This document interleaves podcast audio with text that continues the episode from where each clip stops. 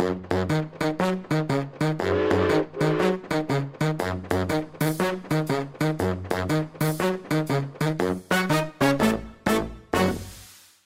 sier vi hei til eh, nye og gamle lyttere, og eh, ønsker velkommen til en ny episode av podkasten Ekspedert, som er Narvik museum sin podkast, som har som oppgave å formidle historie, lokalhistorie fra Narvik kommune, som selvfølgelig har vekst de siste årene. Så nå er det jo en kommune som eh, tar for seg området fra Kjøpsvik i vest til Bjerkvik i øst. Og Bjerkvik det er jo en plass som vi kanskje ikke har hatt så mye fokus på. Men det viser seg det at i Bjerkvik så finnes det verdifull historie om folk som har gjort en stor innsats for samfunnet. Med oss i studio i dag har vi han uh, Ulf Ragnar Hansen. Og uh, han har fatta interesse for en mann som heter Bertheus Normann. Ulf, hvordan begynte din interesse for han Bertheus Normann? Ja, Bertheus Normann var i utgangspunktet kun et navn jeg hadde hørt om i familiær sammenheng. Han var onkelen til min oldemor, mm. eh, som kommer eh, fra Bakkejord i Herjangen. Uh, utover det så uh, har jeg jo da uh, for ikke så veldig lenge siden så engasjerte jeg meg jo i Narviks kjøretøyhistorie. Og da viste det seg det at når jeg driver og forska på kjøretøyhistorie i Narvik, så dukka Bertheus Nordmann sitt navn opp nå og da. For han har nemlig gjort eh, Blant mange bragder han har gjort, så, eh, så ligger det også eh, mye gjemt eh, på, på, på, på, veibygging og, ja. og, samferdselsutvikling. Så han er en, en, mann som har hatt mange jern i ilden og uh, hadde en finger med i mye av det som uh, skjedde på begynnelsen av forrige århundre. Eller kanskje enda tidligere. Når startet livet til han Bertheus? Du, han Bertheus eh, Nordmann han var født på Bakkejord i Herjangen den 16. februar i 1843. Mm. Og det er jo ei stund siden. Han ble gift med jo Antonette Kristine Johnsen Harr fra Trældal. Og eh, de fikk eh, svært mange barn. Jeg har vel dokumentert ni, men er, jeg har sett flere eh, tall på det. Og i år er det jo litt spesielt, 2023. Eh, eh, det er jo 180 år siden han var født, og 90 år siden han døde. Han, eh, han ble faktisk 90 år før han gikk bort. Og på de 90 årene så rakk han jaggu å gjøre seg skikkelig bemerka. Mm. Man kan jo selvfølgelig lure på hva som gjør en, en, en eh, personlighet eh, fra så lang tid tilbake så interessant å snakke om. Og eh, da tenker jeg det at vi, vi, vi, vi, snakker her om en personlighet som ikke bare gjorde seg bemerka i lokalsamfunnet, men også i hele Nord-Norge, og faktisk også utover det. Han var den aller første ordføreren i Ankenes kommune. Mm. Ankenes kommune ble jo skilt ut fra Evenes eh, 1.4.1882. Okay. Eh, og Evenes heter jo før Eivindnes fra gammelt av. Eh, så var det da bestemt at eh, Ankenes herred skal opprettes. og eh, da ble han ordføreren valgt som den første ordfører. Og han satt som ordfører i Ankenes uavbrutt ikke mindre enn 34 år. Det er litt av en bragd. Ja, Helt frem til 1916. Og da sa han faktisk fra seg vervet sjøl. Da var han jo passert 60 godt og vel. Ja, det stemmer nok det. I tillegg til ordførergjerninga hans, så var han eh, lærer i, uavbrutt i 50 år. I Herjangen, Bjerkvik og Rombaken skolekretser. Mm. Og som om ikke det var nok, så eh, var han organist i 60 år. så eh, det var, en, eh, det var en, kar med, med, med, mye energi, må man si. fordi at eh, når man har dukka inn og lest mer om han Bertheus, så, så, ser man jo det at han eh, reiste sine egne hus sjøl. Og bygde sine egne møbler. Vi skal komme tilbake til litt etterpå at ja. han ble jo faktisk en habil snekker også. Ja. ja.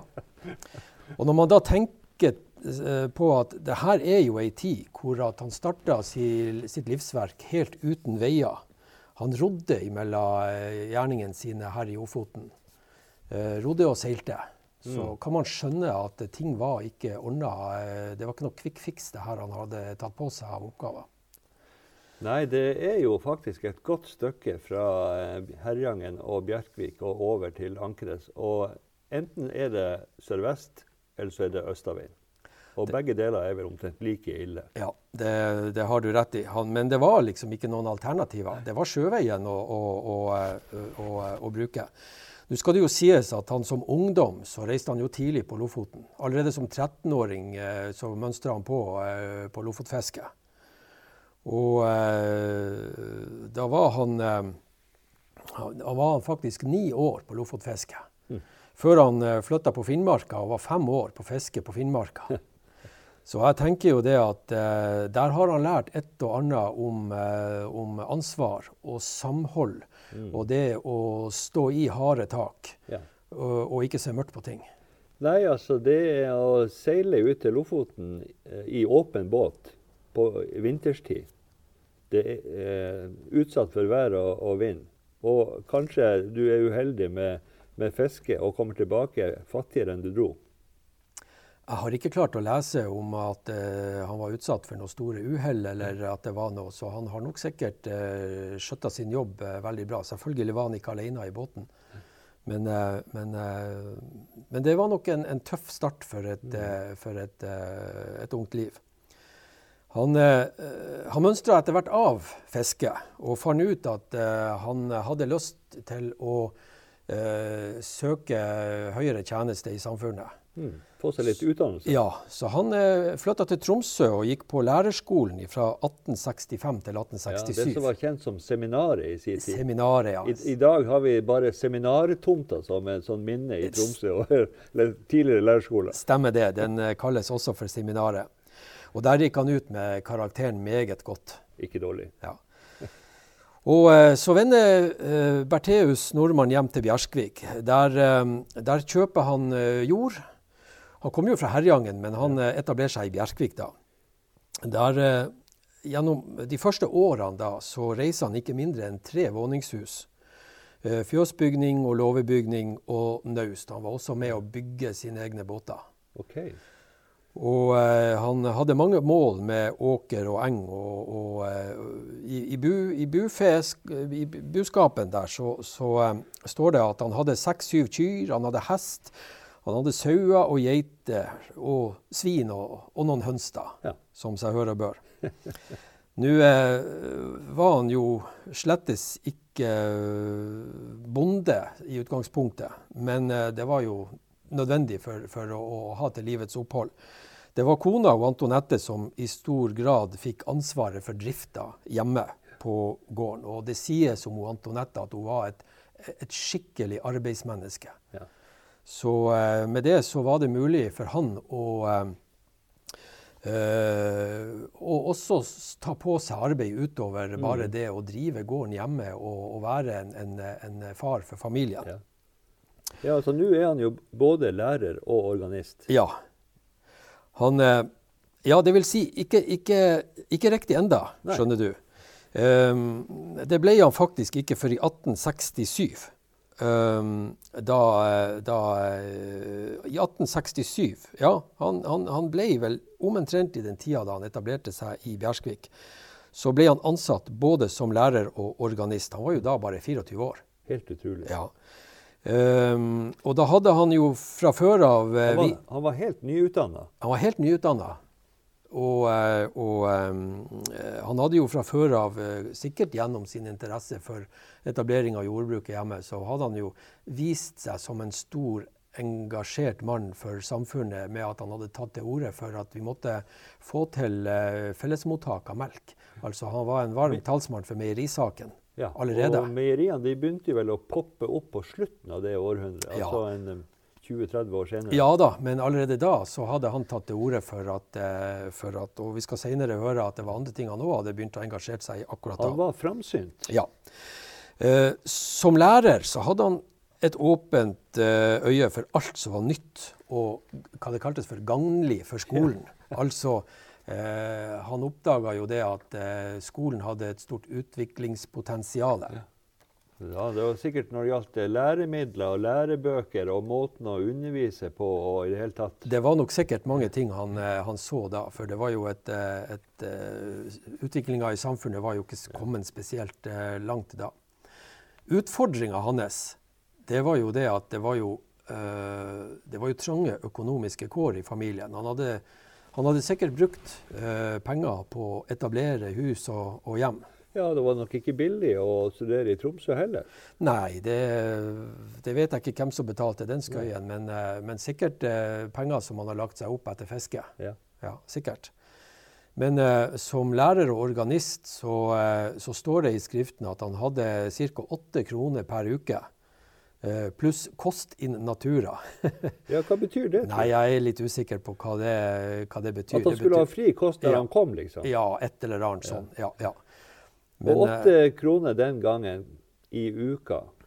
Vi vet jo at når de bygde Ofotbanen, så uh, under det engelske anlegget, så hadde de én krone per dag. Mm. Så han hadde da noen uh, år tidligere åtte kroner i uka som ja. Som både lærer og organist. Ja, Var ikke spesielt godt betalt. Nei, det viser seg det. For han, var, han, han var tvungen til å søke merarbeid. Altså, han måtte spe på inntekta si. Han hadde to jobber, og så må han ha merarbeid? Ja, så han eh, eh, Det som skal sies her, det var jo det at eh, både parallelt med at han gikk på seminaret i Tromsø, på lærerskolen der, og et par måneder etter at han var ferdig, så hadde han tatt jobb på et snekkerverksted der oppe. Mm. Så han var allerede da blitt en dyktig snekker. Um, og det står jo det da at både høvel og dreiebenk fikk flittig kjørt seg i, i hans hjem. Han var ofte oppe før klokka fem på morgenen. Og, og, eh, ja, og jobba med, med, med, produksjon av møbler og andre ting. Som han solgte? Ja, som han solgte. Helt frem til andre ja. plikter måtte tas over. Han hiver seg i båten og seiler på skolen eller et eller annet. Ja, ja. Uh, Ut ifra de, de arbeidene han har. Ja, Han hadde jo blant annet. Det var ikke bare å gå til hergot, du måtte jo i båt. Ja, ja. Ja, ja det er klart. Du måtte i båt nesten uansett hvor du skulle. Ja, ja.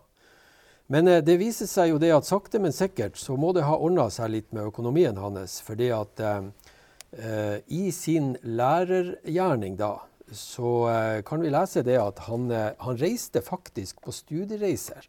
Både til Oslo, Sverige og Danmark for egen regning. For å utvikle de skolene han var lærer på. Og da er vi før Ofotbanen kommer? Ja, det er vi. Så da er det antagelig å bruke beina? ja, det, Eller skal, eh, dampbåt? Ja, mest sannsynlig. Det var jo dampbåten som var, eh, som var uh, framkomstmiddelet da.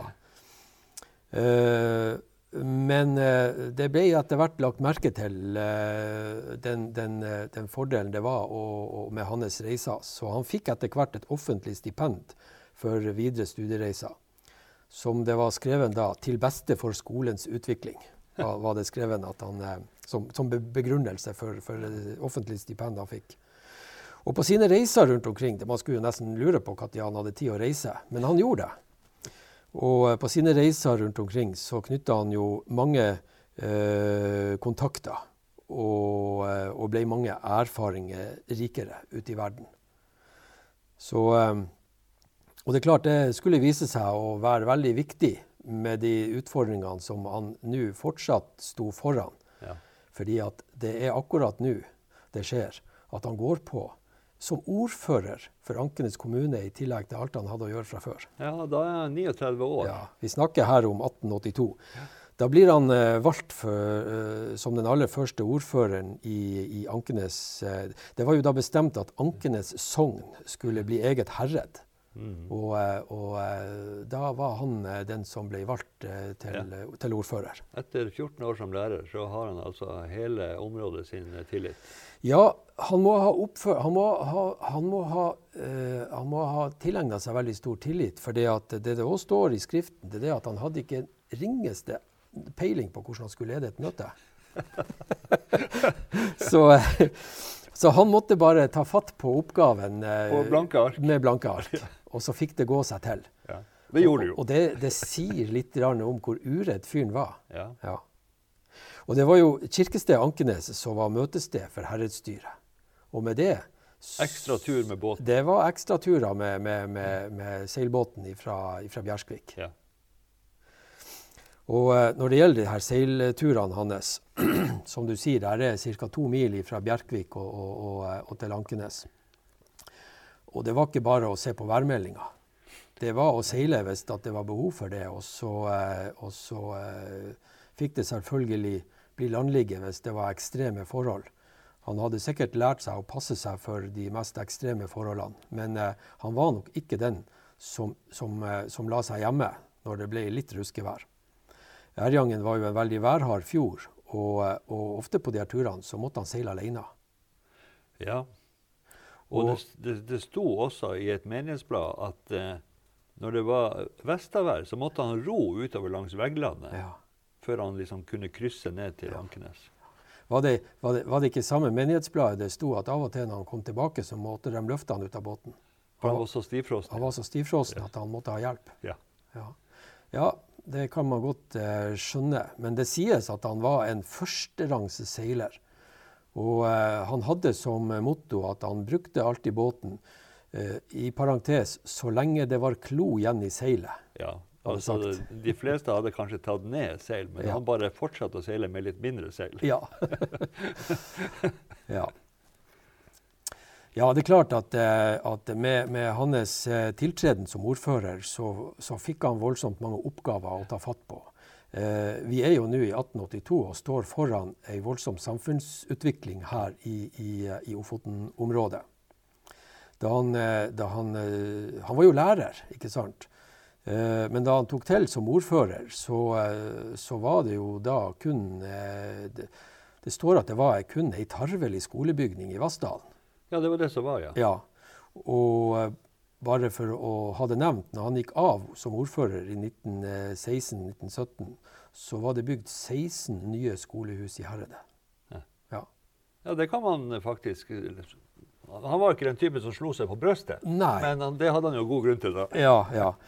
Og, og utviklinga ellers i samme perioden, så, så, var det jo det her med behov for, for, for, for, Eh, å kommunisere.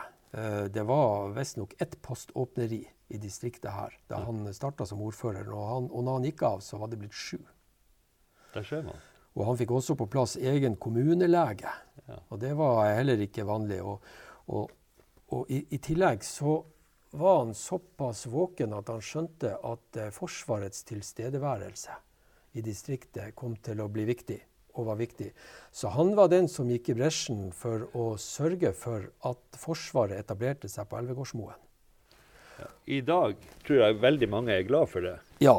Det, det var nok sikkert en, en, et langt lerret å bleike å få det til. Eh, både å få myndighetene til å skjønne at det, var Elvegårdsmoen som var den rette plassen. Ja. Men han hadde også interne utfordringer i forhold til folk var jo ikke først og fremst villige til å selge unna det som var, eh, det som var hjemjorda. Sånn at det å få gjort tilgjengelig arealer ja. som var stor nok til formålet Elvegårdsmoen er jo et uh, stort areal. Ja, vest. Kjempestort. Mm. Men der var han jo sedvanlig framsynt. Ja, var jo det. Der også. Nei, og andre ting som kan nevnes. Han, eh, han gikk jo tungt inn og fikk eh, etablert eh, Ankenes Sparebank. Så Sparebanken eh, kom til distriktet. Ankenes Sparebank ble jo etablert i et hus i, eh, i Hokkvik da, i sin tidligste Banksvingen? Banksvingen i Hokkvik. Huset står jo der enda. Ja. ja. Og uh, i hans ordførergjerning så var det jo andre viktige samfunnsoppgaver som også kom på, på, på dagsorden. Fordi at uh, behovet for elektrisk energi ja. uh, viste seg å bli viktigere og viktigere. Eh, så han fikk jo også jobben med å kjempe frem konsesjonsprosessene til de første vannkraftverkene i distriktet her, altså i Hokkvikvassdraget. Ja. ja. Og der kom det jo en to-tre Ja. Du hadde Høybakkfoss som kom i 1913 ja. uh, som det aller første. Og så kom jo Silvannsfoss i 1917. Uh, så den ble jo satt i drift ja. akkurat når han var gått av som ordfører. Uh, siste kraftverk i Håkvikvassdraget var jo Møllenfoss, kom ja. i 23. Men da, da, hadde jo han gått av som ordfører, men, men, da var jo på en måte jobben gjort. Vi må huske på å lage en podkast i framtida om akkurat det kraftverket. Det, det, det, det burde gå helt fint. Ja. Uh, står jo der i dag som et museum, museumskraftverk, ja. så det kan vi ta på side to. Men eh, hvis vi skal nå også tillate oss å trekke litt tilbake i tid, så, eh, så eh, i, i, i, hans ordførerperiode så vet vi jo det at eh, det kommer jo opp her at det er behov for å bygge en malmbane fra Sverige til isfri havn i Narvik. Et voldsomt prosjekt? Et voldsomt prosjekt.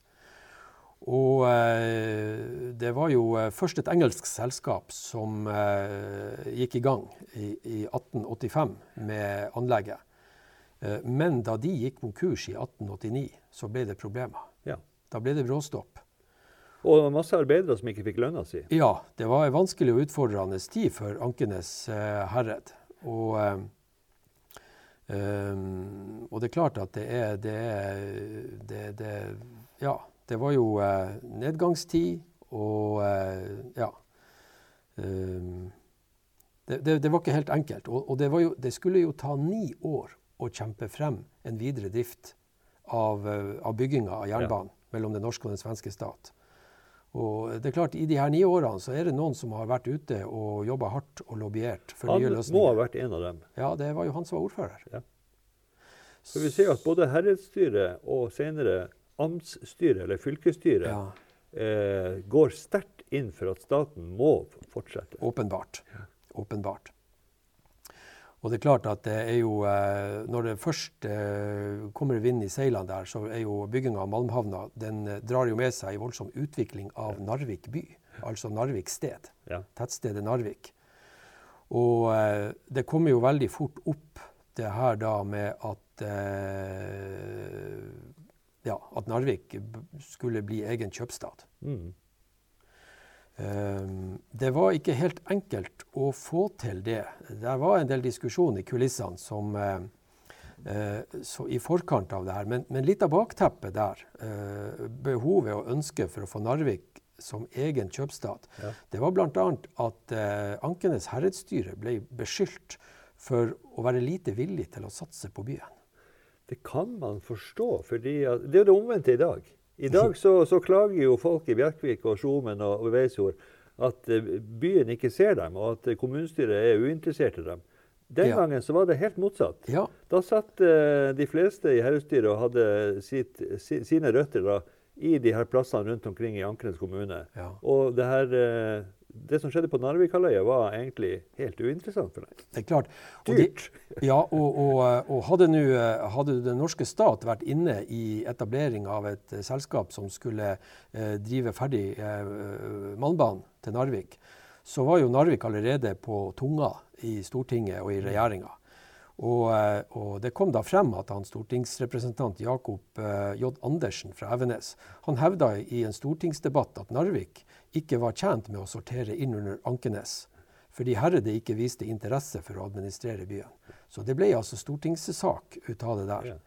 Og, og, og, men bakteppet var jo det at uh, de fleste representantene de var jo ikke fra Narvik, de var jo fra bygden rundt. Ja, og hadde sine tarv. Ikke sant. Ja. Og med det så oppstår en litt merkelig situasjon der. Og det er jo det at valgordninga den gangen den krevde at en innbygger skulle ha bodd i kommunen sin i minst to år for å ha stemmerett og, og, da sitter vi igjen med, med, med et bilde hvor herredsstyret i Ankenes de hadde nå fått ansvaret for en by eh, som de ikke var valgt for å ha ansvaret for. Og 3000 mennesker i Narvik de hadde et styre de ikke hadde valgt sjøl. Ja. Med andre ord, du hadde et demokratisk problem? Ja, det kom, det kom det er klart, og det her ble også diskutert på Stortinget. Det er klart Storparten av skatteinntektene eh, i Ankenes eh, kom jo, de kom fra byen. Men de ble, byg, de ble brukt i bygdene rundt. Så det er klart, det var, det, var, det var, litt dårlig stemning. Ja, og murring. Ja, det, det var det. Uh, og, og, det er klart at det, er, det, er, det ble litt sånn oppgitthet og passivitet, uh, passivitet i, i, i, det her. Så når, når den 15. mai, 15. mai 1901, da den kongelige resolusjonen om, om opprettelsen av eh, i Gåsøya en kjøpstad ved Ofotbanens endestasjon ved Narvik mm. eh, skulle legges frem, eh, så gjorde man det ut ifra hva man trodde var riktig. Og da var faktisk Ankenes tettsted en del av Narvik. Akkurat, foreslått med i Narvik. Hæ. Og, s- I den nye kjøpstaden. Men det kom selvfølgelig store protester fra folket på Ankenes. At det fikk da være måte på. så da resolusjonen eh, ble lagt endelig frem for behandling, så var tettstedet Ankenes tatt ut. Riktig. Ja. Så de som mener at Ankenes er en bydel i Narvik, de tar altså helt Ja, det er klart. det er klart. Eh, Men det ble ikke helt ro i saken heller, da, For at eh, justiskomiteen på Stortinget de mente at eh, departementet måtte gå nye runder med herredsstyret og befolkninga på Ankenes for å få dem til å endre syn. For det er klart, det var en, det var en, det, var en Altså, Ankenes var et, et sentralt viktig sted i Narvik den gangen. Vi hadde kirka på Ankenes, og det var Ja, ikke sant? Eh, Så det var ikke bare bare. Um, Så just, justiskomiteen på, på, eh, på Stortinget de mente på at det var en dårlig løsning. Men så var det det her med tida. Tida var knapp. Og, eh, og, eh, Folk i byen utålmodige. ja, de var veldig utålmodige. Um, og, og, og dermed så ble ekstra runder på det her ble droppa. Så det kan vi egentlig si i dag at det var tidsnød i denne perioden hvor ting skulle behandles og vedtas, som gjorde at Ankenes ikke ble en del av Narvik. Og at grensene ble gående i strømmen på Fagernes. Ja, det stemmer nok det. Yes, så, eh, men det er jo noe som de aller fleste har fått med seg, at eh, Narvik by ble jo da oppretta som egen eh, bykommune 1.1.1902. Og da var det han Ole Martinussen som tok over, og ble den første ordføreren i Narvik. Riktig. Ja. Nå er det ikke så veldig mange som vet uh, særlig mye om han Ole Martinussen. Uh, Han har ei gate etter seg. ja, det er stort sett det eneste folk forbinder med han, egentlig. Fordi han var bare ordfører en kort periode, og så flytta han herifra. Akkurat, ja. Så, uh, Mm. Men det er så. Eh, han får vi eh, lage podkast om en annen, ved en annen anledning, kanskje. Eh, men han eh, Bertheus Nordmann, han står altså på eh, videre. Det, som eh, kan eh, nevnes Men han har fått en kollega i byen. ja, han har fått en kollega i byen, og med det så kan selvfølgelig Ankenes herredsstyre eh, ta litt eh, av skuldrene ansvaret de tidligere har følt lå på i forhold til drift av Narvik by. Ja. Helsevesen, vann, kloakk, skole osv. nå fikk de ordne seg sjøl. Ja. Eh, på godt og vondt, fordi at mange av ressursene eh, lå jo faktisk utafor byen. Ja. Landbruk, eh, kraftproduksjon og osv. osv. Men det er nå så. I de her årene som har gått eh, frem til da, og videre i hans ordførergjerning, eh, så blir altså Bertheus Nordmann han blir tildelt av kongen noe som heter borgerråd, borgerdådsmedaljen. Vi har faktisk ett bilde som de fant eh, i jeg tror det var i Ankerenskirka Mm. eller i Bjerkvikkirka. Men i alle fall så hang den sammen med, med de her portrettene av de forskjellige prestene som har tjenestegjort. Ja. Og der er han, da, eh, på det bildet så har han den medaljen hengende i jakkeslaget. Ja. Eh, Nå skal det jo også sies at, han, eh, at eh, Trygve Thorsen har jo malt eh, alle ordførerne i Narvik før han gikk bort. Og eh, der fins jo Bertheus Nordmann i fargerik utgave. Ja. Supert. Yes. Det må vi få tatt med. Den der borgerdådsmedaljen kan vi jo bare si bitte litt grann om, da. Det er jo Det var tidligere den høyest verdslige ord, ord, eh, orden i Norge etter krigskorset. Oi. Ja, Den ble innstifta i 1819 av eh, kong Karl Johan eh, den tredje. Og den var da uendra frem til 1844. Den ble utdelt av kongen i statsråd. Um, I 1844 så utvider man eh, området eh, hvor medaljen skal ha sitt virke. Eh, da blir det vedtatt at den, den skal også gjelde, tilføye eh, tjeneste ved, ved nidkjær embetsførsel og annen fortjenstfull virksomhet som var egnet for offentlig anerkjennelse.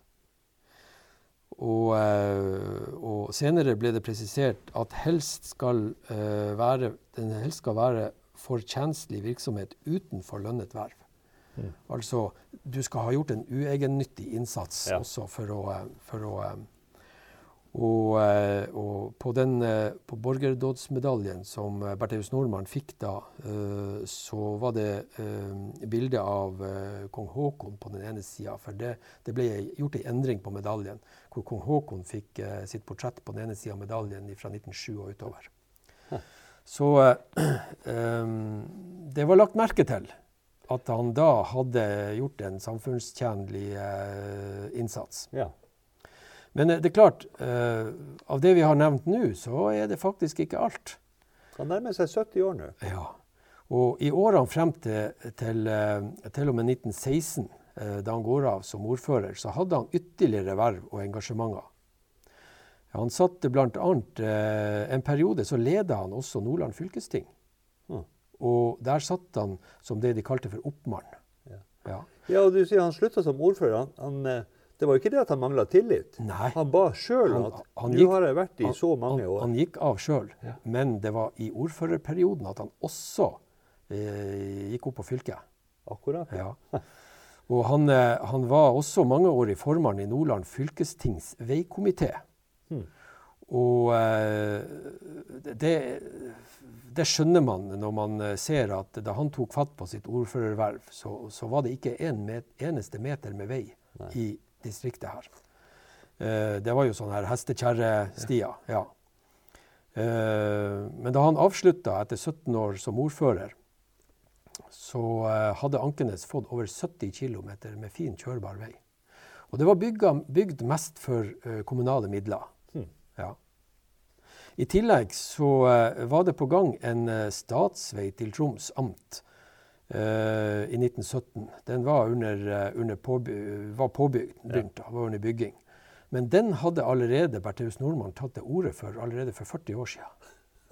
så, så, han var en fremsynt mann, uh, også i forhold til det her med at samfunn, bygden og, og, og samfunnet må knytte seg sammen. Ja. Det vi ikke har nevnt noe om, men som også kanskje bør nevnes, det er jo at midt i det her så har vi jo første verdenskrig. Ja, den eh, førte jo mye med seg.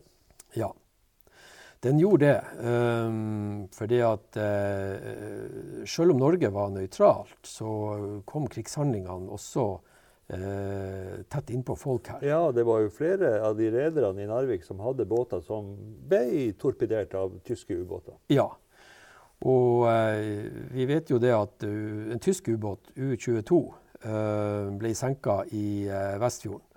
Og 13 britiske sjømenn ble frakta til Narvik, og uh, vi måtte begrave dem her. Og I tillegg så var jo et, uh, en konsekvens av krigens handlinger det var jo det at man fikk store forsyningsproblemer og rasjonering av matvarer. Og det er klart, uh, oppi alt det her så ble jo både manntransporten og ikke minst sysselsettinga hardt ramma. Så det er klart, som ordfører så fikk du eh, ytterligere ja. ting å bryne deg på. Ja, I tillegg til eh, å sørge for den lokale utviklinga av landsdelen din. Krevende. Mm. Ja. Når vi er kommet frem til 1916, eh, eh, så, så, eh, så, sier han Bertheus Nordmann fra at nå er det nok eh, å være ordfører. Ja. Så uh, ordføreren som ble valgt i 1917, uh, eh, det ble da en annen mann. Han var da 74 år gammel. Og eh, det ble da i 1917 arrangert en stor avskjedsfest på Hotell Føniks i Narvik. Ja, og Føniks hotell det lå jo rett ved siden av dagens Grand Hotell. Ja, det stemmer. Det er stor, flott trebygning. Og det er klart, i deltakelsen på avskjedsfesten der, så det var ikke noen hvem som helst som eh, kom dit. Det var selvfølgelig, det var selvfølgelig Ankenes herredsstyre og Narvik formannskap og, og flere av regionens uh, stortingsmenn uh, ja, stilte opp. Han hadde jo faktisk en bror som ble stortingsmann. Ja da, det, det har du helt rett i. og, uh, og, det var representanter der ifra, ifra Forsvaret og politivesenet og og det var jo han, eh, det var jo han stortingsmann Jacobsen fra Evenes som da eh, skulle holde takketalen. Mm. Og eh, det er klart at der ble mye ut av Bertheus Nordmann sine bragder dratt frem. Ja. En god del av de tingene som også vi har sittet og, og snakka om her. Um, jeg kan bare sitere et bitte lite utdrag uh, fra talen hans. Ja. Ordfører Nordmann er en merkeperl for Ankenes kommune. Han har med utrettelig iver og dyktighet arbeidet for herredets vel. Og hans arbeid har båret gode frukter. Han har, eh, vært for Ankenes, eh, hva han har vært for Ankenes, vet vi alle. Han har eh, vært en eh, foregangsmann i Nord-Norge og utført et virke så godt, som, eh, så godt, og så lysende at strålene skinner langt utenom Nordland. Ja, det må jeg si. Gode ord å ta med seg. Ja, og han, Den talen han holdt var ganske lang. Jeg har faktisk en kopi av den talen, men det, det, det blir for langt å sitere her. Men eh, til slutt så gjorde eh, stortingsmann Jacobsen nordmanns egne ord eh, til sine. For i, i, siste talen som han nordmann holdt i amtstinget, der avslutta han sin tale med 'Gud bevare Nordland og dets menn'. Mm. Mens han Jacobsen han skrev det her litt om. Og så avslutta han sin tale med 'Gud bevare nordmannen og hans hjem'. Vel talt. Ja. Og han, eh, han, fikk jo en gave, han Bertheus Nordmann, eh, under denne, eh, under denne avslutnings... Eh, middagen, ja. middagen ja. ja. Og det var et eh, kaffeservise i sølv eh, med inskripsjon. Erindring eh, fra, innvånere, fra innvånere i Ankenes til lærer B. Nordmann. Ordfører i Ankenes 1882-1916. Du er litt nysgjerrig. Finnes det kaffeserviser en dag i dag? Det har jeg òg lurt på. Og hvis det er noen av lytterne eh, her som eh, faktisk lurer på hvorfor det står akkurat det på kaffeserviset de har arva som står i skjenken i stua, ja. ja så skjønner vi nå at det er, det er ikke hvilket som helst kaffeservise som står der. Nei, det er av stor historisk verdi. Absolutt. Det hadde vært veldig artig å få sett om det faktisk fantes, og, ja. og fått sett bilder ut av det. Og kanskje ja. man kunne ha stilt det ut i en passende anledning ja, en gang. Absolutt. Og kanskje sammen med borgerdådsmedaljen til ja. Bertheus Nordmann. Ja, ja. Vi, vi, vi, kan drømme. Men eh, det er klart, han eh, gikk jo hjem fra avslutningsselskapet eh, og var jo selvfølgelig da ferdig som ordfører. Mm. Men han hadde langt ifra lagt eh, virket sitt på hylla likevel. Han fortsatte som organist fortsatt i ti år etter at han var gått av som ordfører. Og eh, da han slutta som organist, da var han altså 83 år. Ja, det må man si. Ja. Vi har noe å strekke oss etter. Ja, jeg tenker det at eh, vi, eh, vi, har noen helter å se, se opp til her. Ja. Men så går det jo selvfølgelig sånn som det går med oss alle sammen til slutt. Eh, Bertheus Nordmann han, eh, han, avgår ved døden eh, 24.3.1933. Ja. Eh, 90 år gammel. Da er han 90 år gammel. Og det var etter et kort sykeleie, ja. står det. Sånn at han fikk jo da sikkert, eh, sikkert fordi at han hadde jobba fysisk hardt hele sitt liv, så, ja. hadde han, eh, så hadde han god helse. Og begravelsen den er jo da i Bjerskvik. Og det, eh, eh, det står i skriften her at eh, det ble gjennomført i skikkelig ruskevær med østavind og snø. Vi vet godt hvordan det, det vet vi hva det betyr. Men likevel, til begravelsen så gikk mannen av huset. Da sørgehøytideligheten starta, var hele kirka full, og med tilhørende klasseværelser rundt kirkerommet. De var fylt til randen alt. Og Ofoten Dampskipsselskap hadde til og med satt inn dampbåten Skogøy for anledninga. For, å, frakte, å frakte folk til og fra begravelsen. Og det var han, eh, det var han eh, sogneprest Krohn som holdt en særdeles vakker eh, minnetale. Mm. Ja. Og seg hør og bør så var det jo kranser, ifra, eh, kranser og taler fra Ankenes og Narvik, Ballangen og Evenes kommuner. Det var taler fra ulike lærerlag, skolestyrer og tidligere elever. Fra Ankenes Sparebank og fra Nordland fylke, og selvfølgelig også egen familie. Man må jo lure på hvor lenge denne begravelsen foregikk. Det var jo eh, sikkert mange som hadde noen ting de hadde lyst til å Her snakker vi om et dagsverk. Ja, det må man si. Men etter hvert da så eh, blir det kista båret ut av kirka av eh, sønnene til han Bertheus Nordmann og svigersønnene. Ja. Men ikke helt frem til grava. I kirkeporten så overtar Narvik formannskap eh, kista og bærer den frem til hans siste hvilested. Og eh, etter at Det var sikkert en kald fornøyelse å stå der frem på gravkanten, for etterpå så, eh, så in, inviterte da ordføreren i Narvik Han inviterte etter jordfestelsen på, på uh, samtlige på, på, smørbrød og sjokolade i, uh, i kirkebygget. Med andre ord kakao? Ja. ja. Eh, når man leter opp historie etter han Bertheus Nordmann, så, så så er det mye som man, man eh, finner. Men det som er gjennomgangstonen, det er det at eh, Han sto alltid som den seige og uoppslitelige kraft som ikke sparte seg, men arbeidet uegennyttig og seint og tidlig i det offentliges tjeneste. Ja. Det er liksom ord som er brukt veldig mange plasser, men i ulike valører. og... Eh, så står det også det. Og det skulle man nesten ikke tro. Uh, I tillegg til hans livsverk og hans bragder, så omtales han Bertheus Nordmann også som en meget stillferdig person med enorm aura og respekt. Ja, man blir slått. Ja, det, det, det, det blir man. Og uh, det er sikkert veldig mange av, uh, av lytterne som kanskje ikke har hørt om han Bertheus Nordmann. Men nå har man stifta bekjentskap med en mann som faktisk var veldig viktig for utviklinga av samfunnet vårt eh, her.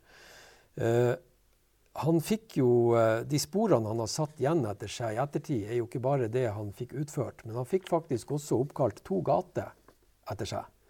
Bertheus Nordmanns vei. Ja. Den fantes både i Bjerskvik og i Narvik. Og Da var det jo to forskjellige kommuner, og ergo intet problem? Ingen problem.